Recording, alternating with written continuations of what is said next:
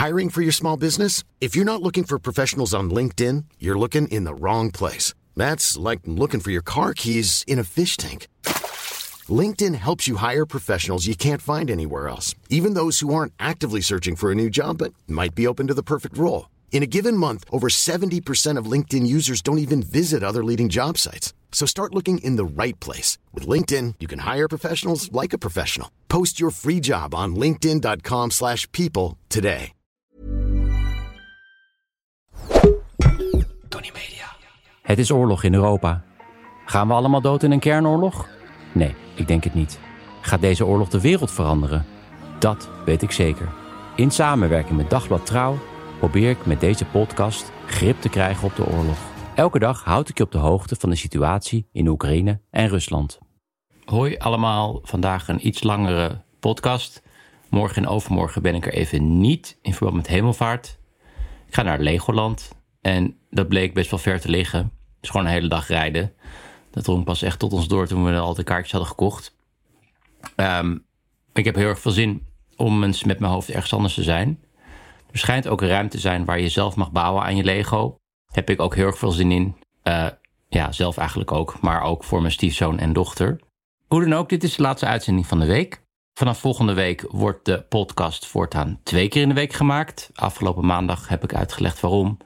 In het kort, uh, ja, nu de oorlog nog wel een tijd gaat duren, past daar ook een ander ritme beter bij.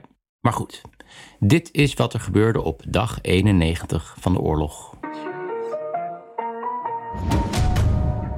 Er wordt nog steeds hevig gevochten bij de stad Severodonetsk. In zijn dagelijkse videoboodschap zei Zelensky dat de situatie daar extreem moeilijk is.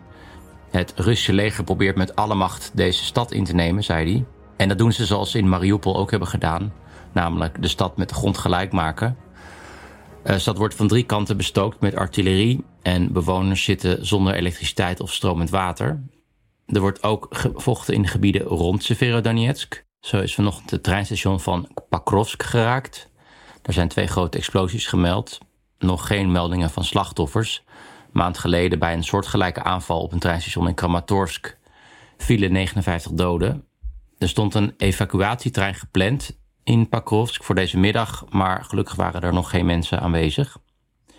Ook zijn er vuurgevechten geweest bij Mykolaiv aan de zuidkust van Oekraïne en bombardementen in Zaporizhia en Krivoy Rog, wat de geboorteplaats is van president Zelensky. Volgens een rapport van de Verenigde Naties leeft 90% van de Oekraïnse bevolking binnenkort onder de armoedegrens. Dat meldde gisteren een official van het ontwikkelingsprogramma van de Verenigde Naties. Intussen in Rusland werd het hoger beroep van oppositieleider Navalny afgewezen.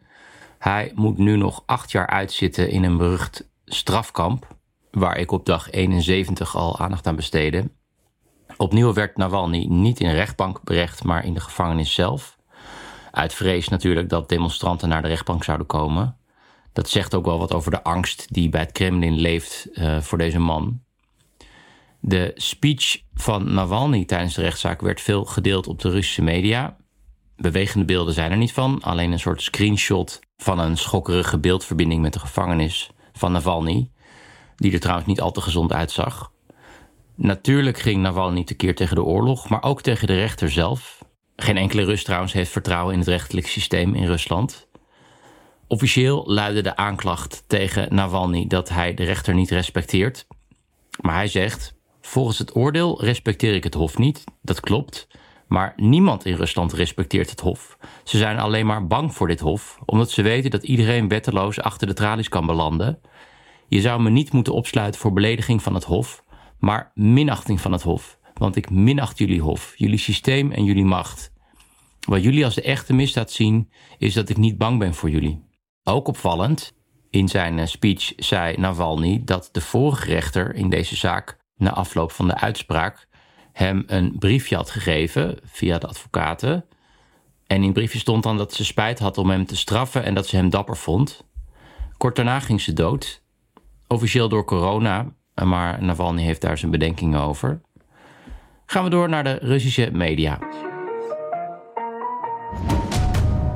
Nou, voor de officiële Russische media een feestdag gisteren vanwege de schietpartij in Texas. Net als bij bijvoorbeeld rellen in de banlieue in Frankrijk of de Gay Pride in Nederland.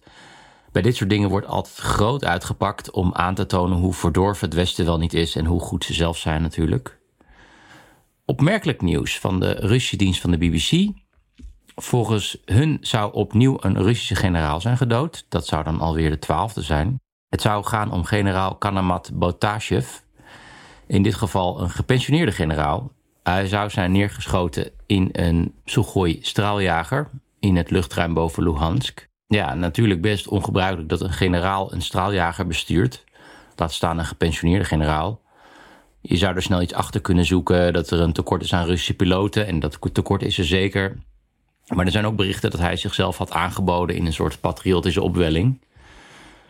Um, zijn dood is ook bevestigd in het telegramkanaal Fighter Bomber, dat veel gebruikt wordt door Russische piloten. Er staat op, de, uh, op het kanaal: Er zijn weinig mensen op deze planeet die zo van de lucht hielden als jij. Een van de beste is er nu niet meer. De vraag is of hij wel de beste is, want Nova Gazeta meldt dat Botashev in 2012 een vriendje vroeg om een Sukhoi 27 te besturen, wat helemaal niet toegestaan was. Hij was ook helemaal niet getraind voor dit toestel. Hij besloot in de lucht ook nog eens een soort acrobatisch kunstje te doen. Nou, vliegtuig stortte neer. Botashev overleefde de crash. En tijdens het proces tegen hem, dat volgde, zei hij: Ik wilde dit type vliegtuig besturen, maar had niet gedacht dat dit model weer zijn eigen specifieke eigenaardigheden had. Nou, vind ik dus prachtig. Uh, weer een bewijs trouwens dat Rusland veel meer houtje touwtje aan elkaar vastzit dan wij denken in het Westen. Zie ook mijn podcast over de mythe van James Bond Rus op dag 33. Verder meldt de Russische site Finance dat Poetin niet alleen de oorlog, maar ook het financiële systeem wil gaan micromanagen. De onafhankelijkheid van de Russische centrale bank, die ja, heilig hoort te zijn, wil hij gaan beperken. Nou, ik vind het prima. Ik hoop dat hij net zo'n bende ervan maakt als bij het leger natuurlijk. En natuurlijk zette Yevgeny Roisman een reactie onder dit bericht op Twitter. Um, daar wil ik wat over vertellen over deze Roisman. Want dankzij hem is mijn Twitter-tijdlijn, waar ik het meeste nieuws voor jullie vandaan haal, uh, draaglijk. Want het is voor de helft gevuld met gruwelijke beelden van Oekraïnse bronnen. En voor de andere helft bagger van het Russische staatskanaal of andere Russische media die niet onafhankelijk zijn. Zoals vandaag over de schietpartij in Texas. Maar ik moet het wel blijven volgen, want ik wil toch ook weten waar de Rus thuis mee wordt doodgegooid. Ja, dat is toch best wel stom vervelend. Maar dan komt Roisman dus to the rescue. Roisman is een zeer populaire oud-burgemeester van Jekaterinburg. In 2013 versloeg hij de kandidaat die Poetin naar voren had geschoven. Hij was vijf jaar burgemeester van deze stad. En wat deed het Kremlin toen? Ja, ze schaften gewoon de burgemeesterverkiezingen af in Jekaterinburg, opgelost. Roisman is dus geen burgemeester meer. En hij is ja een soort Navalny in zijn complete gebrek aan angst voor autoriteiten. Aan het begin van de oorlog moest hij bij de rechtbank langskomen omdat hij zich had uitgesproken tegen de oorlog. En hij kwam toen bij de rechtbank in een jas met embleem van de Amerikaanse luchtmacht. Die foto ging wel viral. En hij heeft een dagtaak aan het uitschelden van Russische officials en organisaties via alle Twitterkanalen. Uh, en zijn scheldpartijen die krijgen altijd een veelvoud van de likes van het officiële bericht. Het is trouwens voor mij een compleet mysterie dat deze man nog niet is opgepakt of is vergiftigd. Misschien is er bij het Kremlin simpelweg gewoon een uh, blinde vlek voor de socials. Maar ik vind het wel raadselachtig. Hoe dan ook, deze Roisman houdt met zijn reacties mijn uh, tijdlijn draaglijk. En geeft me elke dag ook hoop. Ik leer bovendien heel veel scheldwoorden. Het Russisch is sowieso een hele rijke taal als het gaat om scheldwoorden. Ik denk alleen dat het Servisch nog rijker is qua schelden. Daar steken we toch een beetje bakkaait bij af. En dan ook nog die rare voorkeur voor ziektes bij Nederlandse scheldwoorden. Snappen mensen in het buitenland ook nooit helemaal. Een beetje beperkt ook. Krijgt de tyfus, waar slaat dat nou eigenlijk op? Ja, ik moet bij dit stukje nu zelf ook wat gaan schelden. Dus als je er niet van gediend bent, dan moet je even 30 seconden doorspoelen of een minuut of zo. Uh, om terug te komen bij het bericht waar ik mee begon over Poetin die de financiële markten gaat micromanagen. Daar zette Roisman onder Pisda Rulit. Uh, ja, letterlijk Pisda is kut en Rulit is stuurt van sturen. Dus ja, kutstuur of zo. Ik heb hier overleg met Russische vrienden en dat betekent ongeveer zoiets als alles naar de kloten of totale ramp. Nog zomaar wat berichten van de afgelopen dagen. Uh, een bericht van persbureau TAS. waarin staat dat het Azov-bataljon huis in brand steekt, wat natuurlijk niet waar is. Daar staat, heeft hij ondergezet, Iditi Nagui Jebanie Ljetsi of Ljotsi. Dat weet ik niet. Soms horen er puntjes op de E en dan wordt het een Jo. voor de Russische luisteraars, laat vooral weten hoe ik het goed uitspreek. In ieder geval, er staat letterlijk loop naar de lul neukende leugenaars. En dan bij, bijvoorbeeld bij een politicus die trots is op de letter Z. Daaronder staat Gavnayet, wat ja, letterlijk betekent scheideter. Soms beledigt hij ook zonder scheldwoorden. Zo was er een bericht van Sergei Mironov, een Duma-lid. Uh, die schreef dat Poetin eigenlijk de Nobelprijs voor de vrede zou moeten krijgen. Ja, ik weet het compleet gestoord, maar daar gaat het even niet om. En dan reageert Roisman eronder. Denk je dat als iedereen ziet dat je een volslagen debiel bent, ze je niet naar het front zullen sturen? Nou oké, hier scheldt hij nog steeds een beetje. Ik hoop dat Roisman het nog maar lang kan vol blijven houden. Dan houd ik het ook beter vol. Oké, en dan nog dit. Ik zei het al, vanaf volgende week krijgt het podcast een ander ritme. De oorlog is nu drie maanden aan de gang, of eigenlijk acht jaar en drie maanden, want er wordt al sinds 2014 gevochten tussen Rusland en Oekraïne. Maar toen kon het niemand een en malle moer schelen. Misschien een goed moment om nu even stil te staan en vooruit te blikken op deze oorlog. Ik zat gisteren te luisteren naar de podcast War on the Rocks, waar wat militaire nerds de oorlog bespreken. En zij hadden het erover dat je de neiging hebt om je te veel te laten leiden door de waan van de dag en door beelden uh, van al die kleine overwinningen van Oekraïne, hè, die filmpjes van opgeblazen Russische tanks. En dan krijg je soms het idee dat de strijd bijna al gestreden is en dat de Russen blij moeten zijn als ze nog een brokje Donbass bezetten. Maar de winst van Rusland op dit moment bij Severodonetsk laat maar zien dat die strijd nog lang niet is gestreden, helaas. Rusland kan de strijd misschien veel langer volhouden dan we denken. Ook met nul tactisch inzicht kan je een oorlog winnen als je maar genoeg bommen blijft gooien en genoeg soldaten in de vleesmolen blijft duwen. En dat kan je blijven doen zolang je maar je bevolking blijft onderdrukken, zodat niemand de straat op durft te gaan om, om in protest te komen tegen de waanzin van deze oorlog. Ja, en sancties dan. Misschien steeds minder spullen uit het Westen. Dat land zal toch op een gegeven moment uit elkaar gaan vallen. Maar Russen kunnen het heel, heel erg lang uithouden. Ze kunnen heel veel verdragen. In tegenstelling tot Nederlanders heeft bijna elke Rus wel een moestuin en een voorraadkelder met ingemaakte groenten en ingemaakte paddenstoelen en jam, waar ze dan een hele winter mee door kunnen. Bovendien, Russen weten wat overleven is. Dat doen ze al hun hele leven. En aan de andere kant heb je het Westen, waar mensen langzamerhand verveeld beginnen te raken van deze oorlog en misschien steeds vaker geërgerd zullen zijn omdat de prijzen van producten en energie omhoog schieten. Dat komt trouwens niet alleen door deze oorlog, maar die nuance gaat misschien verdwijnen. En je hebt een aantal landen, Frankrijk voorop, die aansturen op een staakt het vuren. Die zeggen dat Oekraïne zelfs concessies moet doen aan Rusland. Ehm, en aan de andere kant staan dan weer Oost-Europese landen die weten waar Rusland toe in staat is en weten dat Rusland juist nog meer gebied in gaat nemen als Oekraïne concessies doet. En tenslotte heb je Oekraïne. Hoe gaan Oekraïners reageren als het leger nederlaag gaat krijgen in de Donbass? Wat gaat dit betekenen voor de populariteit van Zelensky? Want laten we niet vergeten, voor de oorlog was Zelensky niet erg populair in Oekraïne, om het zacht uit te drukken. De oorlog gaat nu een beslissende fase in. En dat zal het lot van Oekraïne en Rusland, maar ook van heel Europa bepalen. En daarom ga ik natuurlijk ook door met deze podcast, maar dan twee keer per week. Uh, het is een soort van laatste dag van de week nu, dus nog wat kijk- en luistertips voor jullie. Dit keer allemaal in verband met de toekomst van deze oorlog.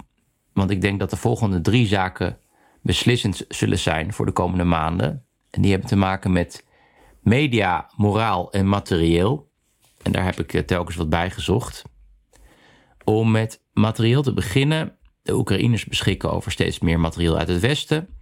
Misschien nog wel het belangrijkst, de M777 Howitzer. Of in Amerika noemen ze hem de Triple Seven. In de New York Times een stuk over dit wonderwapen. Ik zal een link in de show notes zetten. Als het goed is, doe ik het stuk cadeau en kan je het zonder uh, ja, paywall lezen. In het kort, het bereik van deze howitzer is 4,5 kilometer verder dan de Russische artillerie maximaal kan schieten. En dat betekent dat de Oekraïners de Russen kunnen bestoken, maar andersom dus niet. Ook is de howitzer wendbaarder. En dat kan een belangrijke rol gaan spelen in deze oorlog. lees het stuk maar. Het is ook nog eens heel erg mooi opgemaakt. Dan de media, om precies te zijn de Russische media. Je ziet een verschuiving in het Russische medialandschap. Steeds minder mensen vertrouwen de bagger op tv en steeds meer mensen halen hun info van de telegramkanalen. Ja, en misschien zijn er wel gewoon grenzen aan de macht van propaganda. En misschien is anno 2022 het niet meer mogelijk om de waarheid te verbergen voor je eigen volk. En als Poetin die informatieoorlog verliest, dan verliest hij misschien ook wel de echte oorlog. Want misschien is er dan net genoeg kritieke massa voor protesten. Uh, dit is ook een onderwerp voor een soort mini-college dat ik gaf voor het programma Mediastorm. Ik zet een link in de show notes naar het fragment. Heel erg onbescheiden van mezelf, maar goed. En dan tenslotte de moraal.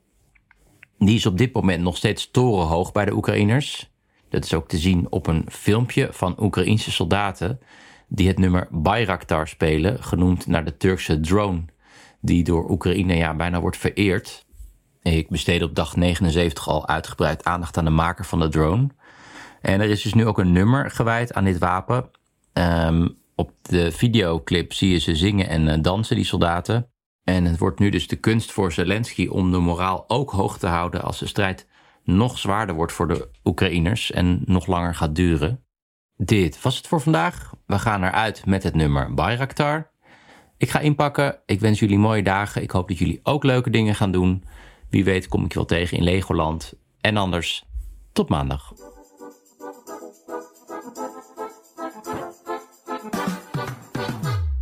Прийшли окупанти до нас в Україну. Форма новенька, воєнні машини та трохи поплавився їх інвентар. Байрактар. Dit was een productie van Tony Media en Dagblad Trouw. Voor meer verdieping ga naar trouw.nl. Hi, this is Craig Robinson from Ways to Win, and support for this podcast comes from Invesco QQQ, the official ETF of the NCAA. The future isn't scary. Not realizing its potential, however, could be. Just like on the recruiting trail, I've seen potential come in many forms as a coach. Learn more at Invesco.com slash QQQ. Let's rethink possibility. Invesco Distributors, Inc.